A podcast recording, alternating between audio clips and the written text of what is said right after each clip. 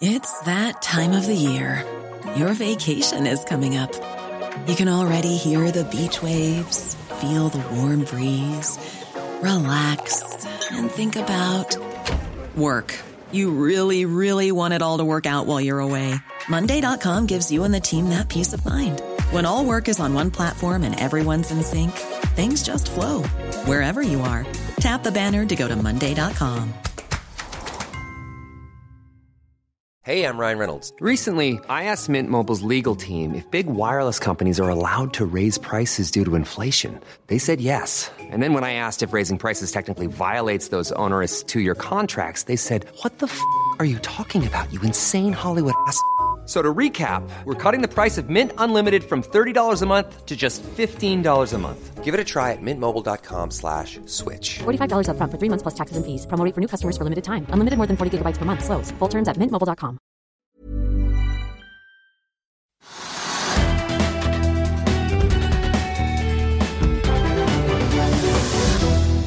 Fra nedtur til forsiktig optimisme, hva er det egentlig som skjer i aksjemarkedet? Velkommen til Økonominyhetene tirsdag 21.9. I tillegg til å se på markedet skal vi også en tur innom teknologiselskapet Cognite og deres Ignite Talks-konferanse og snakke med konsernsjefen i Statkraft om bl.a. strømprisene. Men vi begynner med noen av dagens nyheter. Meglerhuset Fearnleys nedgraderer hele tørrlastsektoren til hold. Tørrlast har jo gått som en kule ettersom verden har begynt å gjenåpne etter pandemien, og Baltic, Baltic Dry-indeksen har steget med over 200% i år.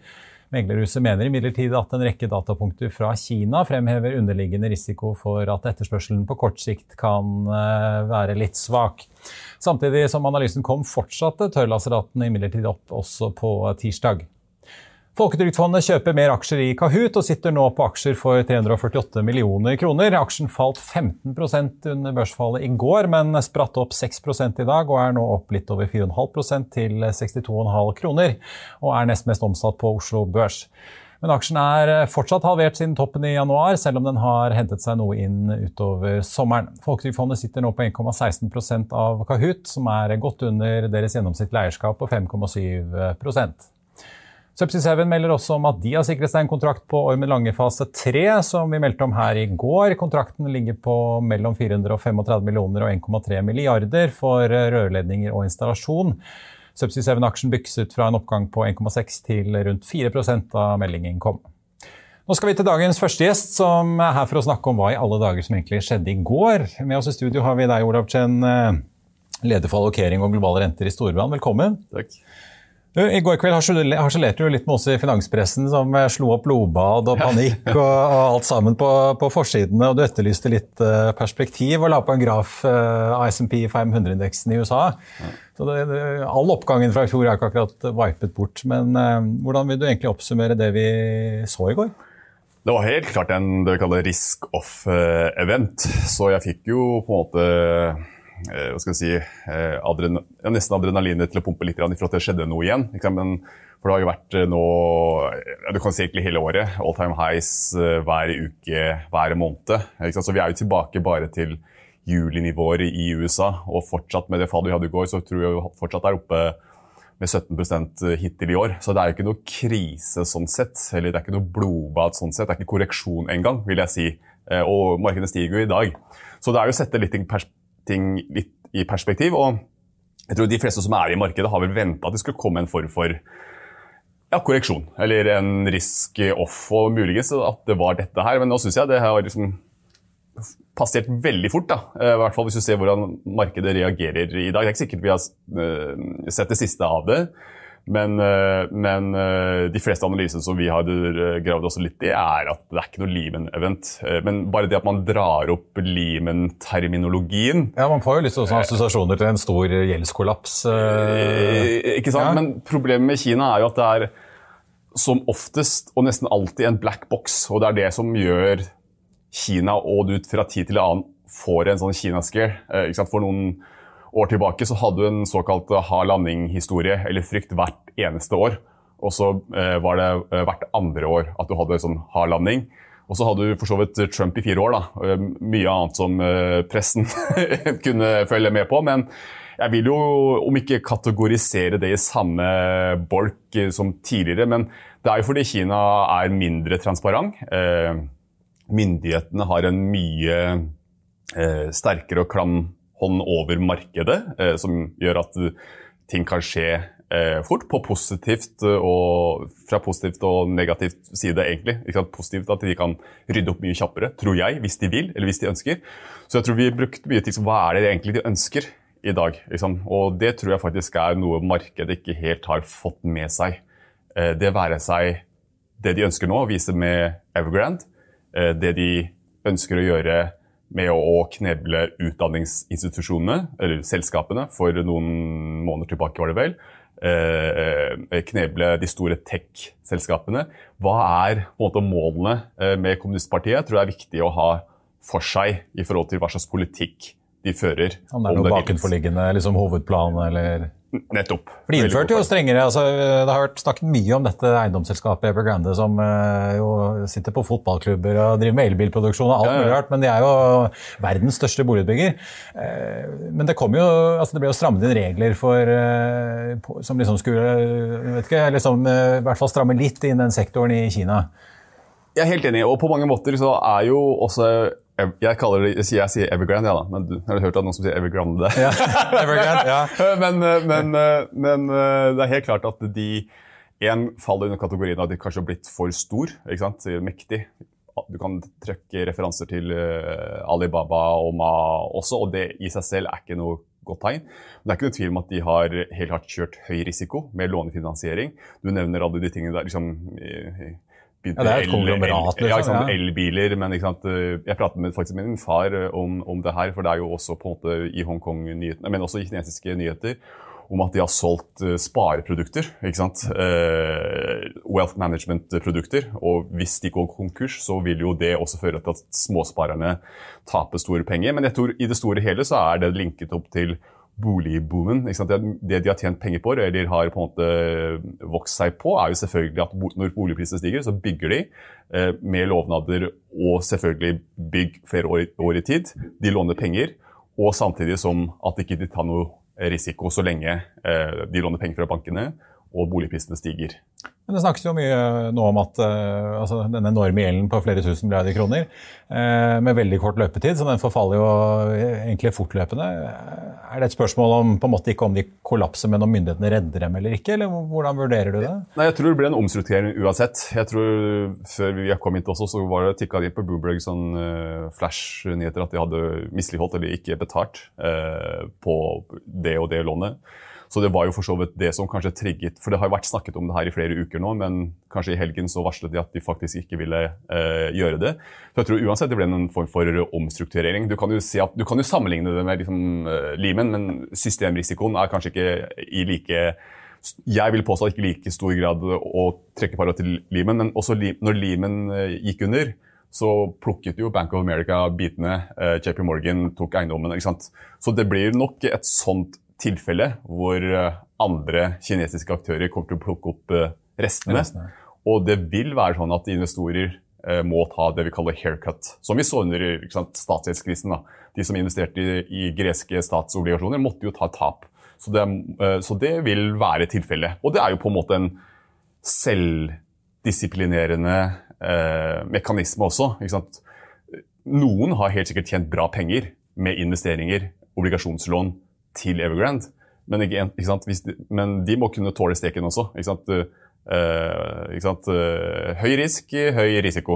Høy risiko, høy avkastning. Sant? Ja. Uh, så, så, så, det tror jeg også er tilfellet her. at i hvert fall kinesiske myndigheter prøver å gi en sånn selvdisiplinerende markedsmekanisme.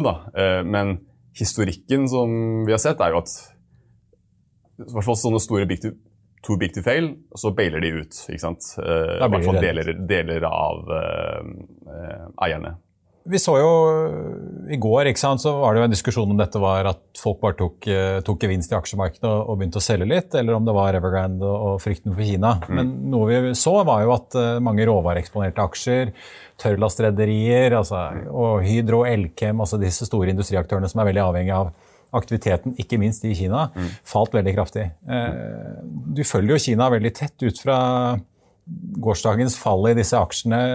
Er det, liksom, er det reell, er det noe reell fare for en oppbremsing i Kina, eller er det på en måte mye spekulasjon i denne nedgangen? Det er jo det man fortsatt, og som ikke jeg heller, eh, klarer helt fullt ut å avdekke. Hvor, eller det vi snakket om eh, på våre møter i dag, hvem er det som sitter på den gjelden, eller som må ta tap? At man fortsatt ikke vet helt om uh, hvor investorbasen er. Er det kinesisk og lukket, og da sånn sett geografisk og markedsmessig begrenset, eller finnes det amerikanske eh, spare- eller fond, eller hedgefond, eh, som også har investert. Der er det fortsatt eh, det er sikkert noen som allerede gravd frem, men der har ikke i hvert fall jeg bildet helt klart. Men og skulle det forplante seg videre, hvis det førte til at andre si banker eller hedgefond også går konkurs, og det forplanter seg. Det vi kaller systemrisiko. At det på en måte gir ringvirkninger, domino, ja. ringvirkninger over hele finanssektoren da vil det jo selvfølgelig gi effekt til alle de markedene du nevnte. For da vil det på en måte den kinesiske økonomien også merke det. Men enn så lenge så eh, Jeg tror ikke vi kommer så langt heller. Jeg tror også nå det snakkes mellom gangene, og gangene er eh, kortere eh, i Kina. i forhold til om hvilken grad de skal baile ut, eller om uh, hvor mye systemrisiko det er uh, snakk om. Det som kanskje forkluder dette, er at det er fridag, eller fri i Kina i dag og i Hongkong i morgen pga. månefestivalen. Slik at du lever kanskje litt i uvisshet da. Men jeg, hvis du ser på markedet i dag, så har jo mye av det kommet tilbake. Så jeg tror markedet har i hvert fall sett det mer som en isolert hendelse i Kina og at det ikke gir så store ringvirkninger utenfor ja. Kina. Nei, for til slutt, altså, Vi så jo i går så ble jo på en måte oppgangen på Oslo Børs så langt i år barbert ned til 13 og noe prosent, og ja. stiger hovedindeksen 1,1 eh, så langt i dag. Ja. Hva må du se før du vil betegne dette som en korreksjon, da? Er det Eh, nei, noen spesielle tegn eller et visst fall i hovedindeksen? eller er det noen andre tegn? Sånn uh, folk flest, eller flest investorer, er når markedet har falt falt et sted mellom 5 og 10. Så vi var jo veldig nær. Jeg vil kalle 10 Først når det er 10 i hvert fall på de høye nivåene som vi har nå, så er det først når det er 10 av korreksjon. Jeg mener det er viktigere å følge med på Fed-møtet faktisk, i morgen, uh, i forhold til hvilke signaler de gir med tanke på inflasjon og nedtrapping. For det er ikke noe tvil om at eh, pengetrykkingen, 120 milliarder hver eneste måned som de trykker, ut ifra intet, har jo gått i aksjemarkedet. Skulle de ta vekk den punchballen, eh, så tror jeg det, og tidligere enn det markedet venter, tror jeg det i større grad vil gi føring på vårt markedssyn på aksjer.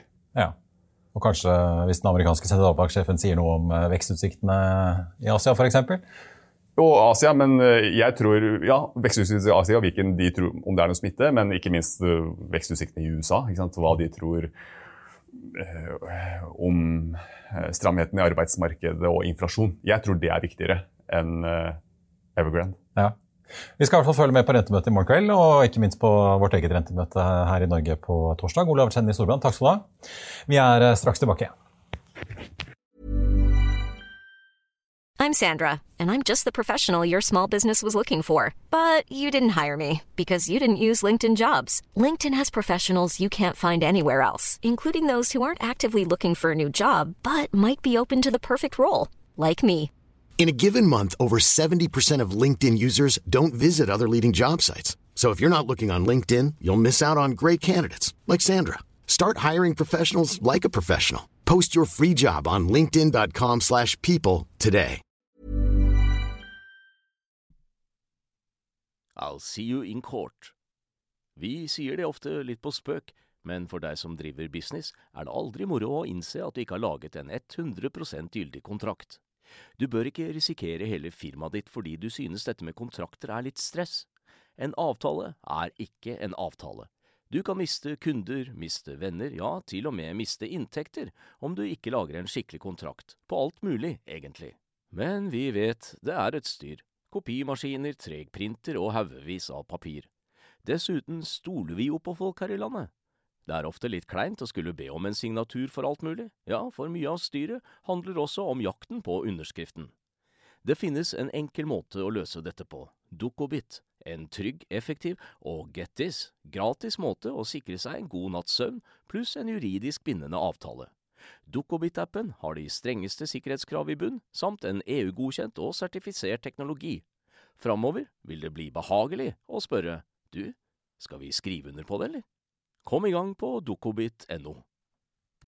Da skal vi over til noe helt annet, for i dag sparker Akers teknologiselskap Cognite i gang sin årlige Ignite Talks-konferanse her i Oslo, som du for øvrig kan følge direkte på finansavisen.no. Selskapet som driver med digitalisering av industri, ble etablert i 2016 og har vokst i kraftig fart og har sikret seg en rekke internasjonale giganter som kunder. På konferansen stiller en rekke toppledere fra hele verden opp, og en av de er eh, deg, Kristian eh, Rynning Tønnesen, konsernsjef i Statkraft. Takk for at eh, du er med oss. Hyggelig å være her. Du, jeg tenkte Vi må jo begynne med aller først de høye strømprisene i Norge. Dere hadde jo allerede et veldig godt resultat i første halvår på et underliggende altså på 12,8 milliarder og satte rekord i første kvartal. Eh, nå hører vi at det er eh, ikke maksfyllingsgrad i norske magasiner, men eh, relativt lav. Hvordan ligger inntjeningen i Statkraft an nå, egentlig? Ja, det, det, dette skyldes, altså det, disse høye prisene, det er jo i stor grad at prisbildet i Europa er høyt på strøm nå. Og Det igjen skyldes en kombinasjon av at gasspriser, kullpriser og prisen på å slippe ut CO2 er veldig høy nå slik at det driver opp eh, strømprisene på kontinentet og England. Eh, og Så kommer værforholdene i tillegg, hvor det har vært veldig vindstille eller lite vind i hele Nord-Europa, som gjør at det da har vært lite vindkraft. Og så her i Norge eh, så har vi litt under normal vann, men ikke dramatisk lite. Så Først og fremst så skyldes dette høye energipriser og, og lite vind. Og og, Det har da ført til at, at, norske prisene har blitt løftet opp, men det er fremdeles uh, slik at de norske kraftprisene er langt under prisene i Tyskland f.eks. Ja, jeg satt og så her på uh, spotprisen i dag. Det var jo i Sør-Norge rundt 120 øre. Men du skal ikke lenger enn til Midt-Norge før den er halvparten av Nord-Norge enda lavere pga. Uh, manglende overføringskapasitet, vil jeg tro. Det ligger litt over i, i Danmark og sånn. nå, nå, renner vel pengene inn i Statkraften, disse høye prisene, men hvor lenge tror du dette prisnivået kan vare? da? Vi har jo snakket om gassmarkedet her eh, tidligere, hvor analytikere i Rystad sier at det kan vare helt til våren, hvis man, særlig hvis man får en kald vinter. Hva, hva ser dere i strømmarkedet? Eh, ja, eh, Når man ser i markedet, så er det helt riktig at prisene forover i strømmarkedet de er ganske høye gjennom vinteren, og så synker de til våren. Så Det er markedsbildet nå. Dette vil jo kunne endre seg avhengig av både værsituasjonen og spesielt også gassprisene i Europa. Så det er jo et usikkert bilde. Um, og eh, det er jo en utfordring for strømkunder både i Norge og resten av Europa at, det er såpass høye energipriser som det er nå. Så vi skal ha stor respekt for at uh, det kan være dyrt å betale for, strømmen nå og kommende, kommende vinter. Ja, vi har jo, altså Apropos det, hvis vi, skal, hvis vi skal se litt utenfor vår egen grense og se på Europa under ett, da, så har vi jo sett både altså, industriaktører som CF Industries og Yara varslet enten nedstenging eller nedtrapping av uh, gjødsel- og ammoniakkproduksjon. Uh, det skrives jo om at vi kan få en energikrise i Europa. Uh, kan det bli så ille som det vi f.eks. har sett i California, der de rett og slett pga. kraftmangel har måttet kjøre rullende blackouts til tider når det har vært ekstra press på, på nettet? Nei, det er ingenting som uh, tyder på det. Altså, det er nok produksjonskapasitet eh, totalt sett i Europa. Problemet er at prisene er høye fordi det er dyrt å kjøre både gass- og kullkraftverk. Og I Norge så har vi jo da eh, ganske bra vannfylling, selv om det er litt under normalt. Og I tillegg så har vi jo nå mange kabler som gjør at vi kan importere mye strøm hvis vi trenger det. Så det er ingenting som tyder på at det blir en forsyningskrise. Utfordringen er at prisen er, i markedet er høy. Ja, jeg så jo i hvert fall på Statnett sin oversikt i dag, så fløt strømmen ut av Norge til alle kanter, eh, så det ut som. Men er dette et slags tegn på, på det grønne skiftet? Altså at vi kan få sånne pressperioder hvor eh, innslaget av ikke-regulerbar fornybar kraft, altså vind og sol, blir større og større, som gjør at vi får disse voldsomme skvisene innimellom?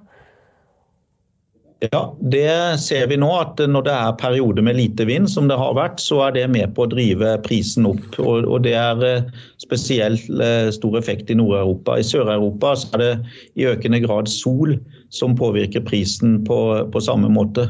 Og eh, de vannmagasinene vi har i Norge, som utgjør nesten halvparten av all lagret vannmagasinkapasitet i hele Europa, de skal jo brukes nettopp i situasjoner som nå.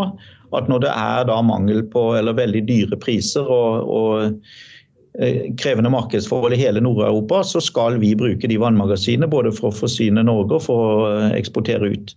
Og så kan det jo da oppstå helt andre situasjoner når det er mye vind, hvor prisen i markedet er veldig lav. og Da skal vi importere billig strøm til Norge. Så Norge vil selge dyrt og kjøpe billig i det strømmarkedet vi har nå. Det er veldig god nasjonaløkonomi i dette, også bra for kraftprodusentene. Det og det er prisutjevning. Eh, ja, det høres ut som god butikk. Men eh, altså, dere har jo signalisert at dere vil investere 13 milliarder kroner netto årlig i ny fornybar kraft i årene som kommer. Eh, men endrer denne situasjonen vi nå ser i Europa, med de høye prisene og det voldsomme presset på, på gass og kull, eh, gjør det på en måte behovet for mer fornybar kraft enda mer akutt for dere og andre utbyggere?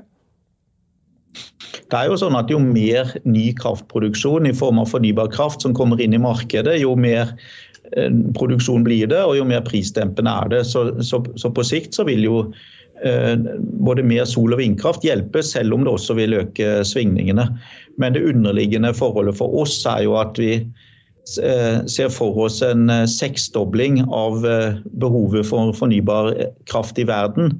Og, og Statkraft vil da ha en ledende rolle i å investere i det markedet, som er helt uavhengig egentlig av kraftprisene kortsiktig går opp eller ned. Dette er en megatrend vi investerer mot, og, ikke mot et kortsiktig prisbilde. Men det er klart, jo mer strømproduksjon vi får inn i markedet, jo mer prisdempende vil det være. Kristian, til slutt, Du skal jo eh, snart på podiet nede på Ignite eh, Talks-konferansen. Vi har jo nevnt det så vidt. Cognite eh, driver jo med industriell programvare for å effektivisere og rasjonalisere og forbedre både oljeproduksjon og kraftproduksjon og mye annet. Hva slags rolle kan denne type programvare gjøre for en virksomhet som Statkraft? Jeg antar jo dere har mange datasystemer fra før? Det har vi. Eh, hele kraftbransjen er en av de mest gjennomdigitaliserte eh, bransjene vi har i verden allerede. Altså Kraft er jo et ekstremt ferskvareprodukt. Det skal være balanse i nettet hele tiden mellom millioner av forbrukere og tusenvis av produsenter, og, det skal stemme for hvert mikrosekund. Og det er klart at eh, Avansert programvare kan jo optimalisere dette ytterligere. Både alt som har med fleksibelt forbruk å gjøre, er jo IT-styrt. Og vi vil også i økende grad se at det blir automatiserte rutiner, datalæring, altså eh, automatisert krafthandel og også optimalisering av nettflyt basert på mer og mer avanserte algoritmer. Så her vil eh, en allerede høy IT-digitaliseringsgrad bare ytter, øke ytterligere i, i, årene som kommer. Så det ser vi framtid til. Lykke til på podiet, Kristian Rinding Tønnesen, konsernsjef i Statkraft. Takk for at du var eh, med oss. Takk selv. Og fra en av eh, deltakerne skal vi over til eh, verten for det hele. Vi tok nemlig en prat med Cognite-sjef Jon Markus Lervik litt eh, tidligere i dag. Der fikk vi høre både om hva som skjer i Cognite om dagen, og om en ny global avtale med konsulentgiganten Accenture.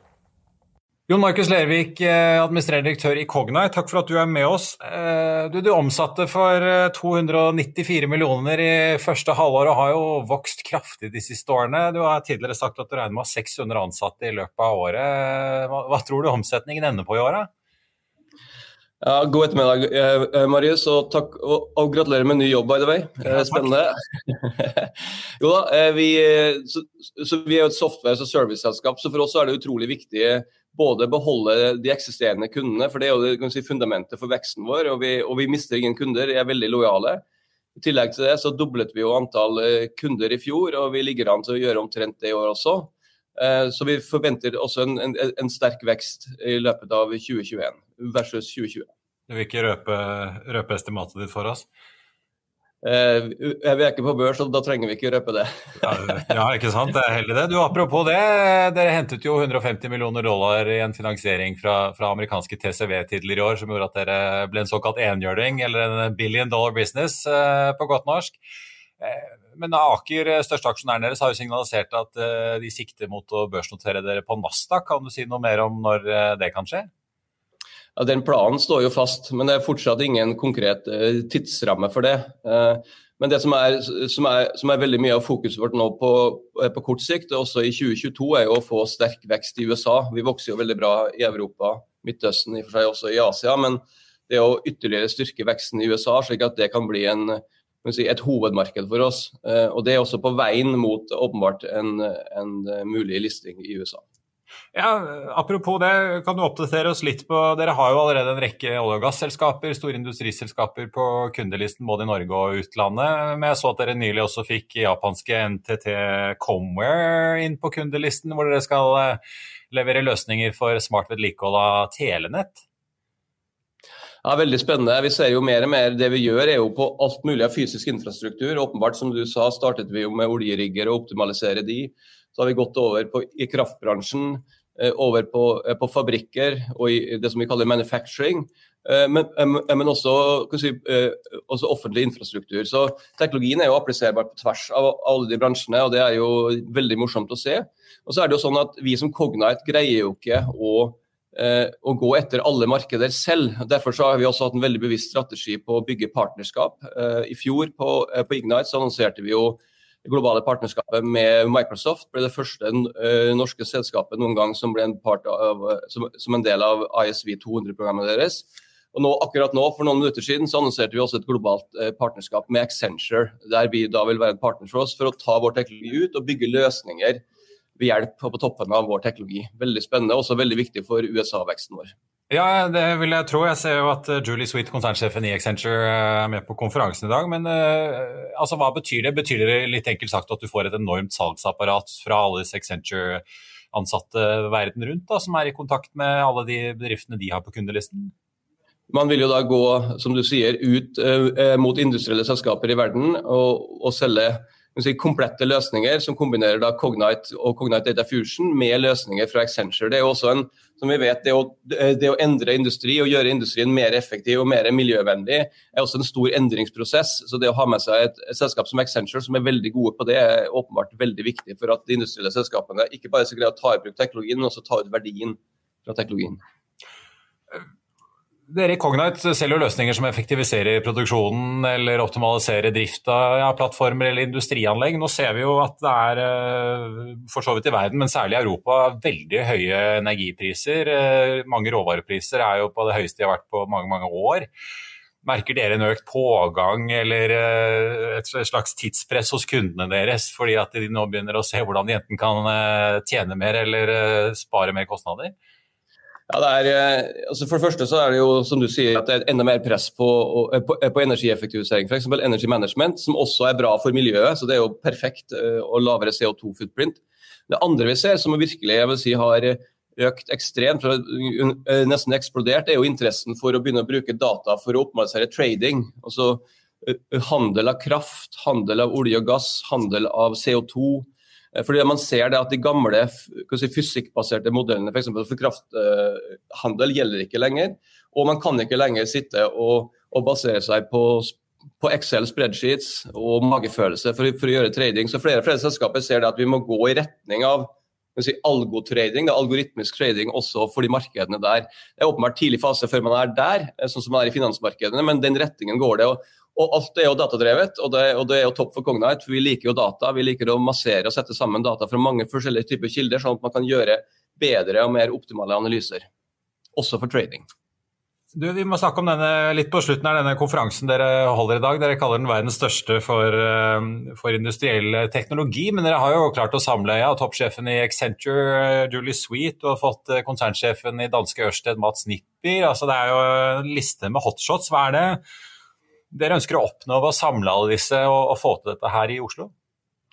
På mange vis så ser vi mer og mer si, industriell transformasjon eh, som ikke bare er en nødvendighet for å få industrien mer effektiv, men også mer miljøvennlig, som en diger global dugnad. Dette må vi lykkes med. Og vi tror at Norge eh, generelt og Cognite spesifikt kan være en viktig brikke å være med å, få i gang den dugnaden og virkelig både få kompetansen opp til mennesker, få selvtilliten inn i mennesker, slik at man forstår hva det her er for noe, og fjerne bøss og føss og misforståelser. Slik at man virkelig sammen kan drive den, den industrielle transformasjonen som vi er helt avhengig av å lykkes med globalt pga. Av, av miljøkrisen, men også veldig bra timing for Norge i forhold til å vri oss rundt til nye industrier, inkludert industriell software. Men du prøver å sette Norge litt på kartet her? Ja, definitivt. Og klart at det er jo også en brandbuilding for Cognite. Altså, vi, har, vi, snakker veldig lite om Cognite og våre produkter og sånne ting. men Poenget er jo det å få opp kompetansen, for da tror vi det at de, de smarte selskapene som er på, som ønsker å bli, bli vinnere, de vil, de vil velge de, den, riktige, den, riktige, teknologien og de riktige partnerne. Og Da satser vi på at vi er godt posisjonert der. Jo Markus Løvik i Cognite, tusen takk skal du ha, og ikke minst lykke til med konferansen. Tusen takk. I Finansavisen i morgen kan du lese Trygve Hegnars leder om veksten i opplaget til norske aviser, og om Finansavisens vekst, så vi som jobber her får bare takke deg som leser, hører og ser på for tilliten. Du kan også lese om veksten til crowdfunding-selskapet Folkinvest, og om tørrlastratene som fortsetter oppover. Helt uh, før vi gir oss, tenkte jeg bare skal oppdatere dere litt på utviklingen i uh, markedet. Gold Notion, som vi ga dere en teknisk analyse på, er ned 2,1 i dag, men er faktisk børsens tredje mest omsatte aksje. Den uh, nest mest omsatte er fortsatt Kahoot, som er opp nesten 4 ja, Svinger litt. 3,85-4% opp nå. I tillegg er hovedindeksen nå opp 1,2% med en oljepris som er ned 0,2 det var det vi hadde i dag, men vi er tilbake i morgen klokken 15.30. Takk for at du så på, og så håper jeg vi ses igjen da.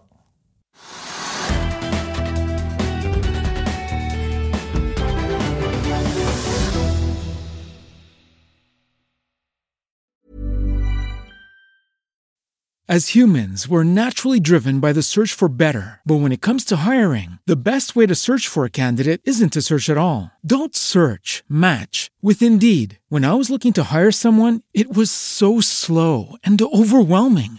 I wish I had used Indeed. If you need to hire, you need Indeed. Indeed is your matching and hiring platform with over 350 million global monthly visitors, according to Indeed data, and a matching engine that helps you find quality candidates fast. Ditch the busy work. Use Indeed for scheduling, screening, and messaging so you can connect with candidates faster. And Indeed doesn't just help you hire faster. 93% of employers agree Indeed delivers the highest quality matches compared to other job sites, according to a recent Indeed survey. And listeners of this show will get a $75 sponsored job credit to get your jobs more visibility at Indeed.com slash podcast. That's Indeed.com slash podcast. Terms and conditions apply. Økonominyhetene er en podkast fra Finansavisen. Programledere er Marius Lorentzen, Stein Ove Haugen og Benedikte Storm Bamvik. Produsenter er Lars Brenden Skram og Bashar Johar. Og ansvarlig redaktør er Trygve Hegnar.